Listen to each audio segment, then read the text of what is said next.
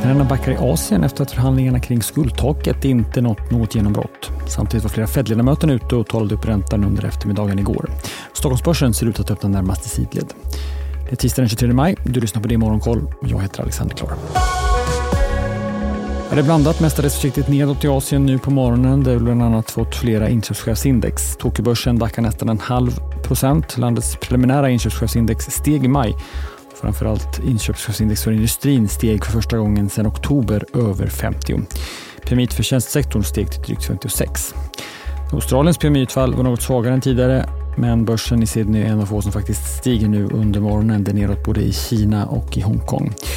Mycket av morgonens rapporteringen handlar om förhandlingarna om det amerikanska skuldtaket. Den republikanska ledaren i representanthuset, Kevin McCartney, sa i en kommentar igår kväll att en överenskommelse kan komma redan under idag tisdag. Han sa också att ett avtal måste nås under den här veckan så att det hinner passera kongressen, men tillade att det avtal som diskuteras just nu inte skulle kunna accepteras av republikanerna i representanthuset. Wall Street som svajade på både stigande räntor under eftermiddagen och genererade bilder stängde till slut närmast oförändrad. Bred S&P 500 var oförändrad medan teknik och tillväxttunga Nasdaq steg en halv procent. Bland enskilda bolag steg läkemedelsjätten Pfizer 5% efter positiva resultat från en fas 2-studie kring ett preparat för viktminskning. Flera regionala banker lyfte, däribland PacWest som rutade nästan 20% efter att banken sålt flera brygglån. Och elbilstillverkaren Tesla var en vinnare och steg också omkring 5 Amerikanska räntor steg under eftermiddagen men handlades lugnt under kvällen och morgonen. Flera ledamöter var ute och talade till marknaden under gårdagen. James Bullard var mest högaktig och sa att han såg ytterligare behov av att höja räntan och talade om två höjningar för att lugna ner ekonomin. Fed-chefen i San Francisco, Mary Daly, sa istället att inkommande data får styra kommande beslut och hon vill se att tidigare åtstramningar påverkar ekonomin. Samtidigt som hon tryckte på att åtstramningarna inte har påverkat den globala tillväxten lika mycket som väntat. Det kommer mycket data innan nästa räntebesked från den amerikanska centralbanken. Beskedet kommer i juni. Bland annat får vi PCE senare i veckan. Även Raphael Bostic som sitter i Atlanta talade och sa att han var bekväm med att citat avvakta en stund. Och från ECB kom uttalanden om att centralbanken fortfarande har en bit kvar på sina åtstramningar.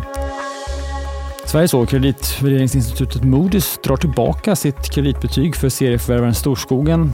Därutöver dras också de negativa utsikterna tillbaka. Storskogens kreditbetyg var B1. Moody skriver på sin sajt nu på morgonen att man drar tillbaka betyget av affärsmässiga skäl. Forskningsbolaget Exprenvio Pharma vill ta in 100 miljoner i en riktad emission och även emittera konvertibla obligationer för drygt 200 miljoner. Dagens agenda fortsätter att domineras av preliminära inköpschefsindex. Det väntas även ett stort antal tal från diverse ledamöter från olika centralbanker. För svensk del så ska Erik Thedéen tala om kopplingarna mellan penningpolitik, finansiell stabilitet och finanspolitik. Det kommer också en del rapporter idag, även om det framförallt är senare i veckan som vi får flera stora rapporter i den sista körare den här rapportperioden. I dagens Börsmorgon blir det mycket snack om det amerikanska stultaket när Jonas Thulin gästar. Vi pratar också med Concentric som har kapitalmarknadsdag och som precis släppt nya finansiella mål.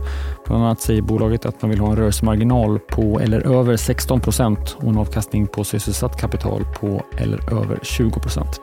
Börsmorgon startar som vanligt kvart i nio eller lyssna på programmet som podd. Vi släpper det klockan 11. Det är Morgonkoll. Jag är tillbaka igen imorgon. Jag heter Alexander Klar.